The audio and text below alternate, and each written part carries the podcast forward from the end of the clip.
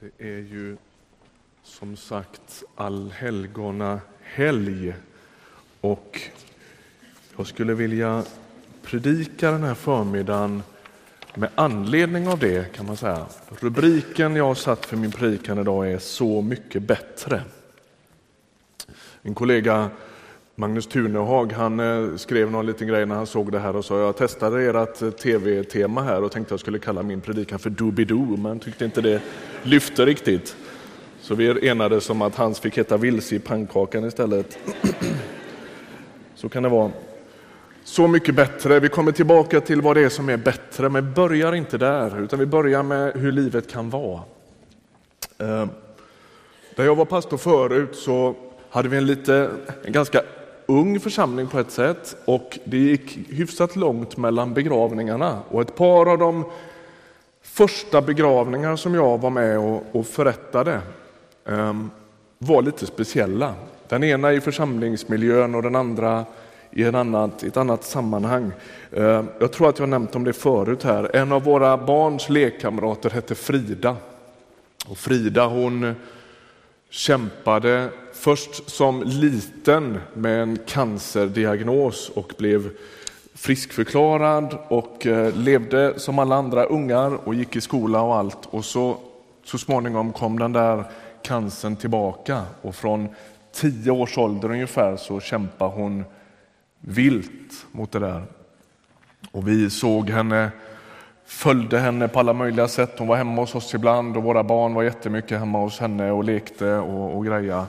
Och så småningom så tog behandlingarna ut sin rätt och, och hon liksom förändrades på alla möjliga olika sätt. Hon rullade i rullstol så småningom och så till sist så dog Frida.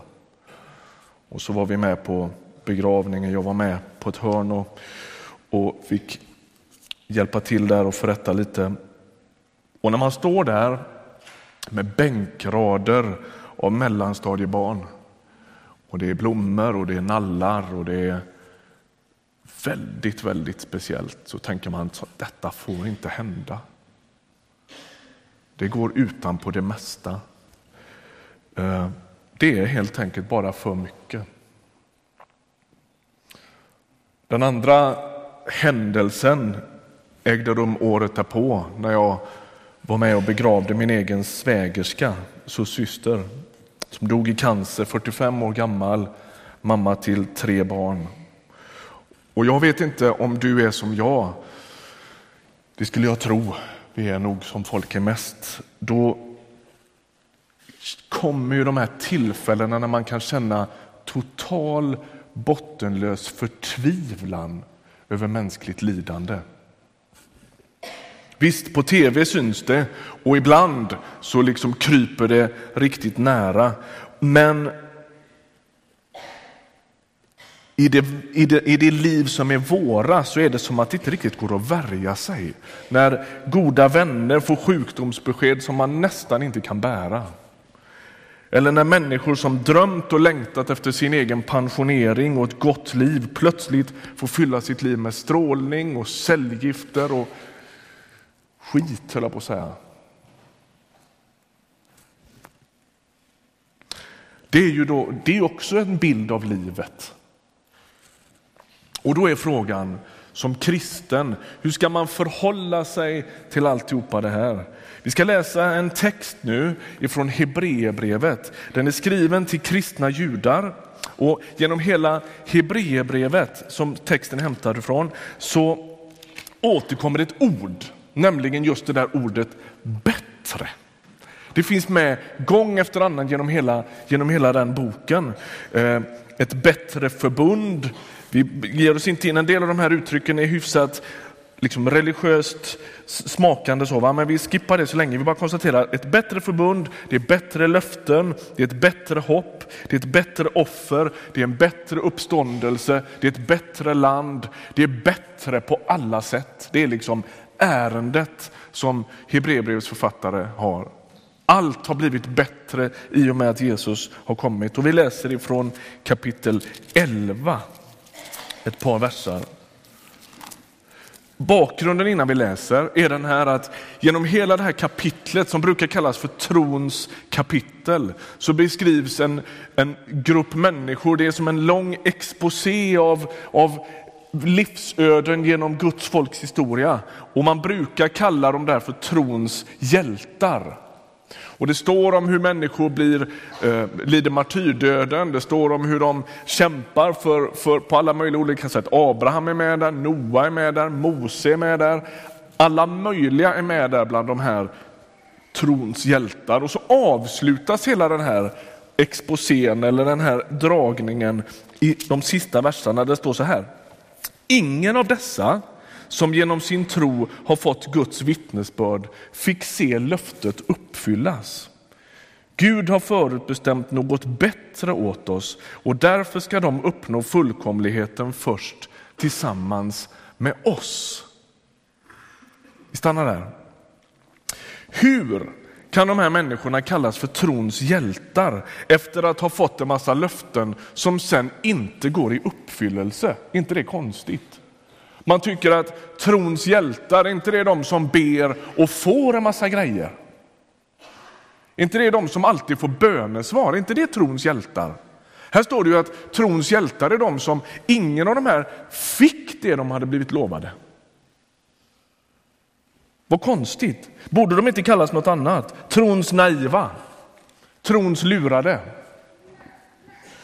trons losers. Det finns en bok som kom för några år sedan som jag har hämtat en hel del tankar till den här predikan från som heter 100 dagar med Jesus skriven av pastor Niklas Pienso som pastor i Stockholm. Om du inte har läst den boken så är det ett gott lästips idag. Eh, han, han ställer en sån här fråga. Vad betyder tron på Jesus när katastrofen rammar ens liv med full kraft? Det skulle jag vilja fundera lite över idag när det är allhelgonahelg. Och jag vet att en och annan av er som sitter här är mitt uppe i sorgarbete.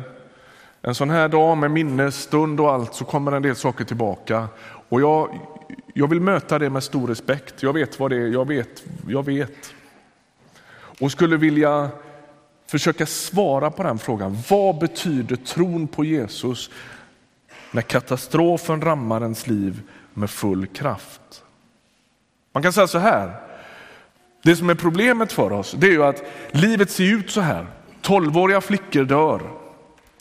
Trebarnsmammor lämnar sina ungar och dör.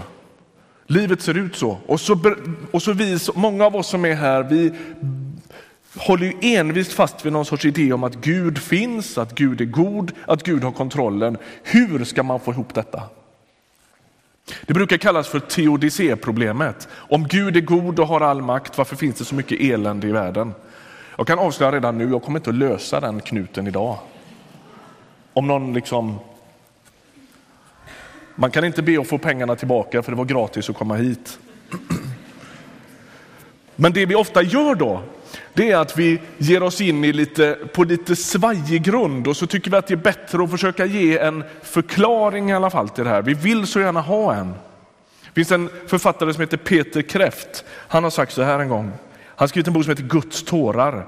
Han säger vi älskar snabba och enkla svar. Djävulen har sålt lika många billiga och snabba svar som McDonalds har sålt hamburgare. Slutcitat. Och grejen är ju den, va? när det här händer och när livet fullständigt går sönder, då vill vi så gärna hitta ett språk för det. Och då säger vi saker som, jo men allt som sker har ju någon mening. Lyssna på mig nu. Det tror inte jag på. Sluta säga det. Jag tror inte att man kan säga så riktigt med Nya testamentet i hand, att allt som händer har en mening. Därför att om vi gör det, då, då delar vi tro med varenda fatalist i hela världen. Alltså de som säger allt som händer, det händer och det är som det är och det i så fall har det en mening. Det är inte Bibelns vittnesbörd. Det händer massvis med meningslösa grejer. Därför att om, inte det, om, om, om, om det är så att vi måste trycka in allt elände som händer i någon sorts meningsbärande förklaringsmodell, då kommer vi att få jättestora problem med vår gudsbild. Utan vi måste konstatera att det händer en massa saker som inte har någon mening. De kan få en mening, men det är en helt annan sak.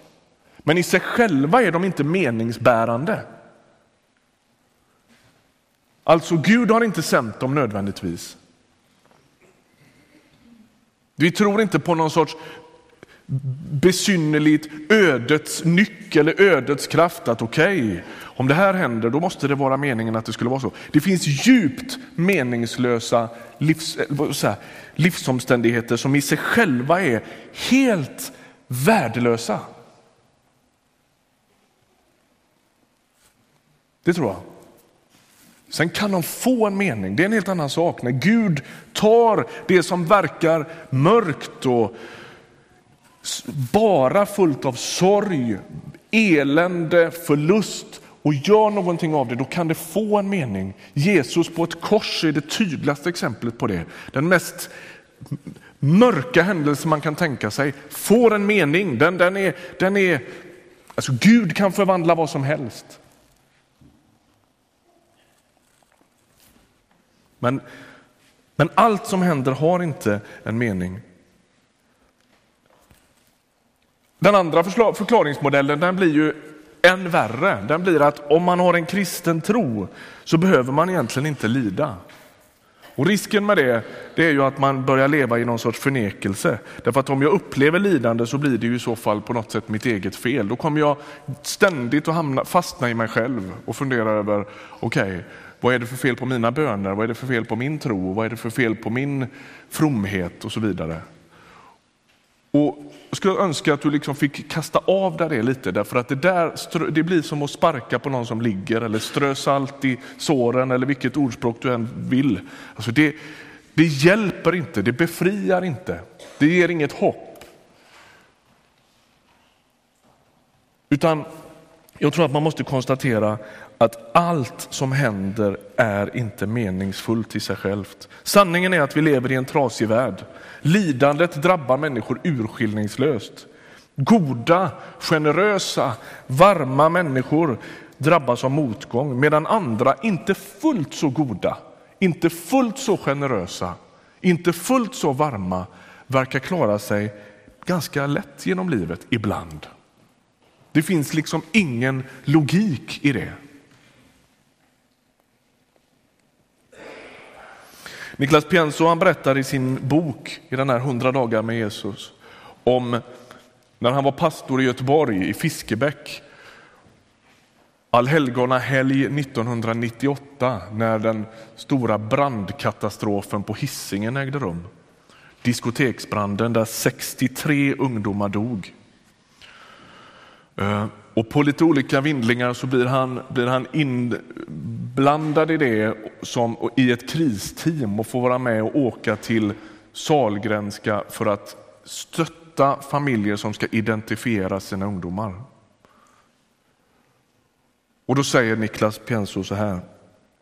Det jag behövde den där dagen var inte ett intellektuellt svar på lidandets varför utan en närvaro som vägde tyngre och räckte längre än döden och branden. Så vi delar upp det där lite, fundera över närvaron som väger tyngre. I en av de mest älskade bibeltexter som finns i psalm 23, herdesalmen, så står det så här. Vi läser det från den gamla för att få det rätt. Kan vi få den? Om jag än vandrar i dödsskuggans dal fruktar jag inget ont, ty du är med mig. Alltså, Davids erfarenhet som har skrivit den här salmen är inte att Gud nödvändigtvis bevarar från dödsskuggans dal. Från mörkret, från fighten, från mänsklig tragedi. Utan hans erfarenhet är att mitt i den dödsskuggans dal går Gud med. Det är hans erfarenhet. Niklas säger så här. Det är den närvaron som finns hos Jesus Jesu närvaro är det kristna svaret på lidandets frågor. Det är egentligen inget svar, snarare ett inlägg i kampen. Alltså det är som att lidandet får inte riktigt den där intellektuella, alltså var lidandet kommer ifrån, det får vi inte riktigt ett glasklart nerkokat svar på, utan det vi får det är Guds närvaro. Det är vad vi får. Han skriver, C.S. Lewis som har skrivit en bok som heter Lidandets problem. Han säger så här, när lidandet måste uthärdas hjälper en smula mod mer än mycken kunskap. En smula mänsklig förståelse mer än mycket mod och den minsta skymt av Guds kärlek mer än allt annat. Och det är som att det som erbjuds oss mitt i det där bottenlösa sorgen, det är att Gud säger i den dödsskuggans dal går jag alltid med dig. Jag lämnar dig aldrig.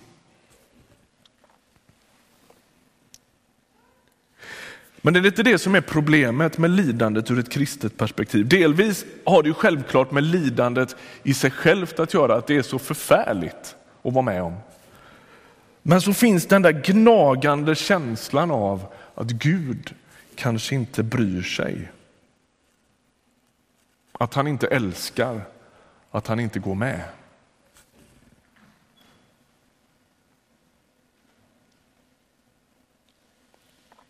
Vi sa att lidandet i sig självt inte nödvändigtvis har någon mening, men det kan få det det enda goda jag tänker som kan komma ur det är ju dels att man binds vid Gud. Att man blir mer beroende av honom. En del människor som har varit med om djupa svårigheter och får frågan, men hur, hur går det med din tro?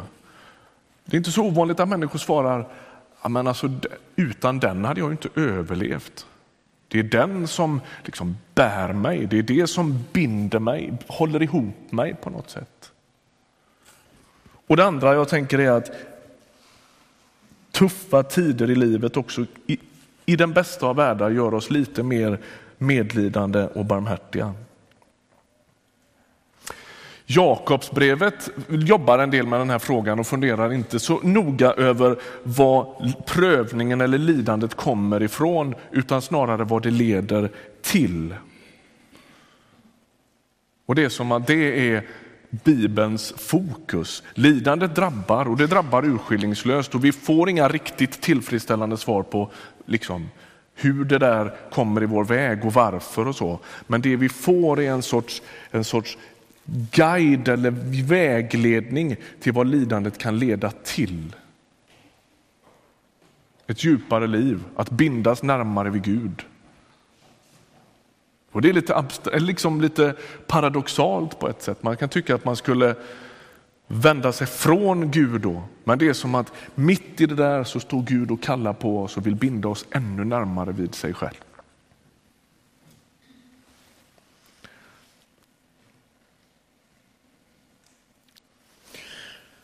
Det andra Niklas sa här det var en närvaro som räcker längre. Den här texten vi läste från Hebreerbrevet den antyder liksom ett annat perspektiv. De här människorna de har alltså inte fått se Guds vittnesbörd gå i uppfyllelse, eller fick se, de har inte fått se löftet gå i uppfyllelse. Man kan tycka, vad är det där liksom? Det finns en annan vers lite tidigare i samma kapitel där det står så här kapitel 11, vers 13. I tro dog alla dessa utan att ha fått vad de hade blivit lovade. Här har vi samma grej igen. De, de lever hela livet och de dör och allt det som Gud har lovat, det har de inte sett än. De har sett somligt, men inte allt. De har bara sett det i fjärran och hälsat det och bekänt sig vara gäster och främlingar på jorden. Och så den versen vi läste i inledningen. Ingen av dessa som genom sin tro har fått Guds vittnesbörd fick se löftet uppfyllas. Gud har bestämt något bättre åt oss och därför ska de uppnå fullkomligheten först tillsammans med oss. Närvaron som Gud erbjuder i form av sin egen, sig själv, den väger tyngre och den räcker längre.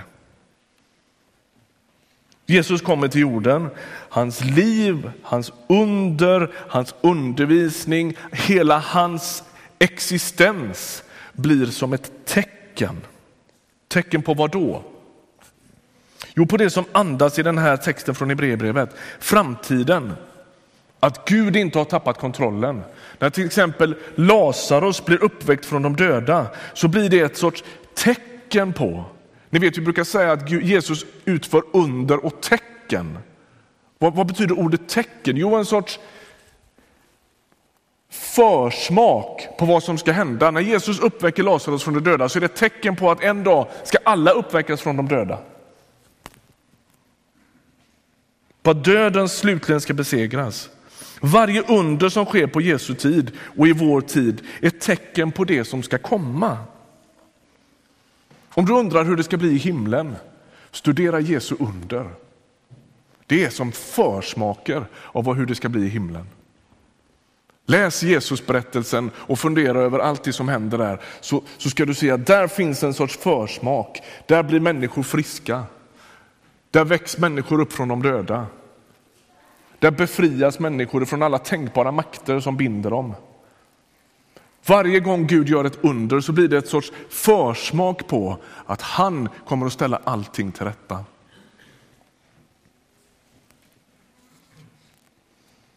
Det är lite grann som en filmtrailer.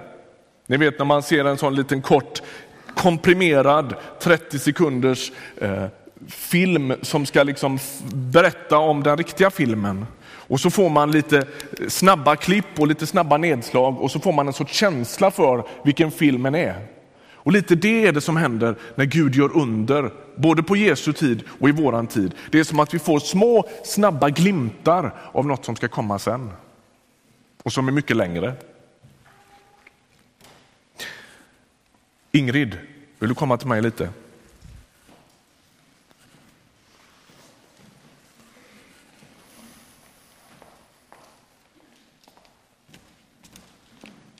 Får den av mig.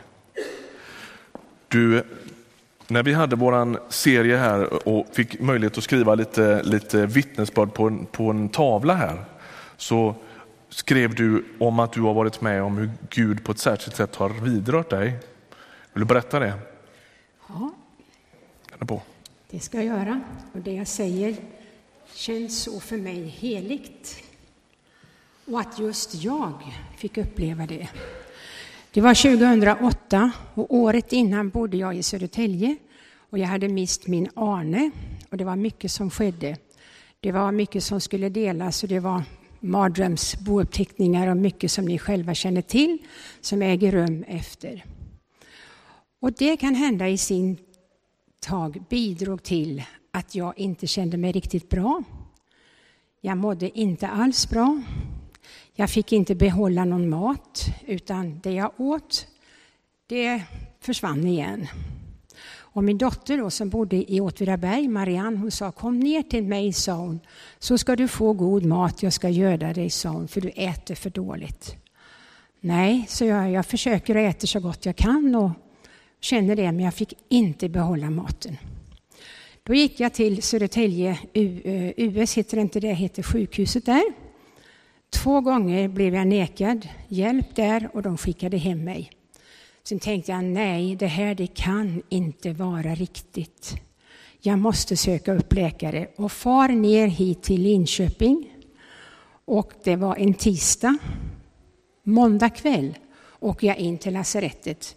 Och de tar hand om mig och de tittar på mig och de funderar och de tittar på varandra och de undrar hur kan Södertälje skicka hem dig i det här skicket? De gjorde jättemycket undersökningar och jag gick ner 16 kilo så då var jag lite smal. Och de satte igång med undersökningar och så sa de då till slut, nu skickar vi hem dig tillbaka till Södertälje för där får du bli opererad. Och då säger jag ändå till dem, jag kan inte det för jag är i så dåligt skick så jag klarar inte det. Utan okej, okay, vi kör här, sa de. Och en ung läkare sätter sig på kanten på min säng och berättar att du har tjocktarmscancer, Ingrid, sa han. Och den är ganska illa däran. Så du är, vi måste skynda oss här och göra en operation. Tisdag morgon så ligger jag på operationsbordet och opereras. Och ni vet själva, det kanske går en hel dag innan man kommer tillbaka till medvetande. Och onsdagen gick, så kommer torsdag morgon då jag skulle få hjälp att försöka resa mig upp. Men kan inte det utan dunstar tillbaka igen i sängen och är, har väldigt lågt HB. Ut igen på akuten, tillbaka till operationssalen. Och då öppnar de mig igen och då står det 3,1 liter blod. Kan det vara så mycket? Ja, det står så i mina journaler. 3,1 liter blod stod kvar i buken och de tog bort det. Sen kom jag upp på salen tillbaka igen på torsdag. Väldigt, väldigt dålig. Hade inte ätit någonting på jättelänge. Fick bara läppja lite grann vatten. Och jag ligger där och halvdåsar som man gör när man inte är riktigt kry. Och då plötsligt känner jag lena händer på min mage. Och jag befarar att nu ska de byta bandage här på mig, så jag tänkte att nu får jag vara beredd på det. Så jag tittar mig omkring runt sängen, men det finns ingen där. Och tänkte jag, det var nog Jesu händer. Och efteråt så förstod jag, för jag hade bett till Jesus under tiden jag låg där. Så det var Jesu händer som vidrörde mig. Och så småningom så blev jag starkare och så småningom så blev jag utskriven ifrån lasarettet US här nere och får behandlingar och kontakter med läkare. Och då plötsligt står en läkare framför mig och säger Ingrid, du är botad.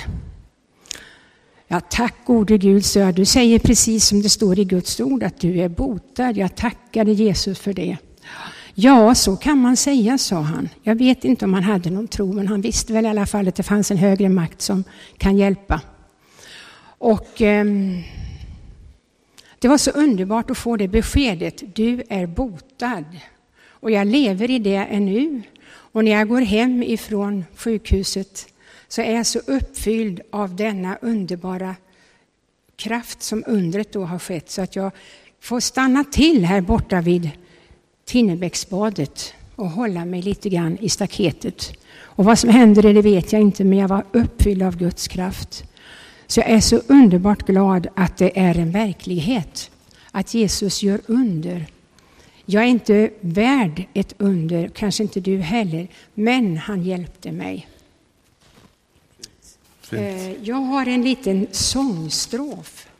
Och det står så här. Men om himlen ej finns, ingen härlighet, ingen boning i Herrens hus. Hur kan då miljoner här har känt en beröring av hans ljus? Och där är jag ett föremål. Tack Ingrid, tack. Varje gång när någon botas så är det en sorts tecken på vad som ska hända när sjukdom inte längre finns. Hur det ska bli när tolvåriga flickor aldrig mer ska dö av cancer. Och när trebarnsmammor aldrig mer ska lämna sin familj i ett kallt bårhus. Det här är en försmak på det. Detta är trailern till filmen, det vi hörde här. Är du med? Gud har inte gett upp, han har inte tappat greppet. Och du som är här idag och sörjer, jag vet att du är det. Gud finns med dig i din sorg och hans närvaro väger tyngre det kanske inte känns så, men jag skulle så gärna vilja att du vågar tro på det. Och den räcker längre. När Jesus lämnar en tom grav efter sig så är det ett tecken på att det som hände honom en dag också ska hända oss som tillhör honom. Gud ska en dag låta hela tillvaron vara med om det som Jesus var med om när han uppväcktes från de döda. Låt mig avsluta med att läsa. Vi har läst mycket bibeltexter om men det ska vi göra. Och jag såg en ny himmel och en ny jord. Till den första himlen och den första jorden var borta och havet fanns inte mer. Och jag såg den heliga staden, det nya Jerusalem komma ner ur himlen, från Gud, redo som en brud som är smyckad för sin man. Och från tronen hörde jag en stark röst som sa, se, Guds tält står bland människorna och han ska bo ibland dem och de ska vara hans folk och Gud själv ska vara hos dem och han ska torka alla tårar från deras ögon. Döden ska inte finnas mer, ingen sorg och ingen klagan och ingen smärta ska finnas mer. Till det som en gång var är borta och han som satt på tronen sa, se, jag gör allting nytt. Ska vi be? Herre, tack för en närvaro som väger tyngre och räcker längre än allt det som möter oss av sorg och förtvivlan och otrygghet och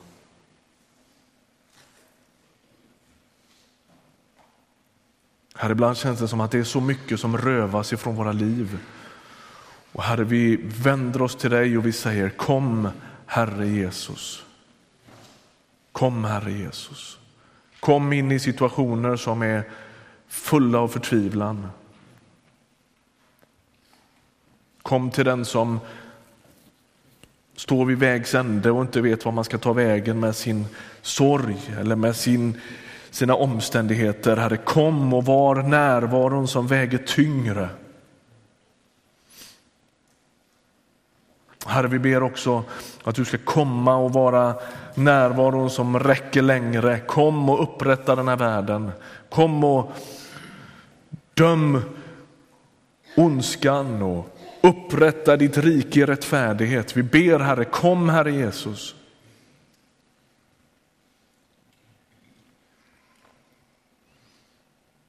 Tack att du hör oss när vi ber. Tack att vi får vända oss till dig, du som har besegrat döden, ondskan, all djävulskap. Tack att vi får vända oss till dig och säga du är våran Herre.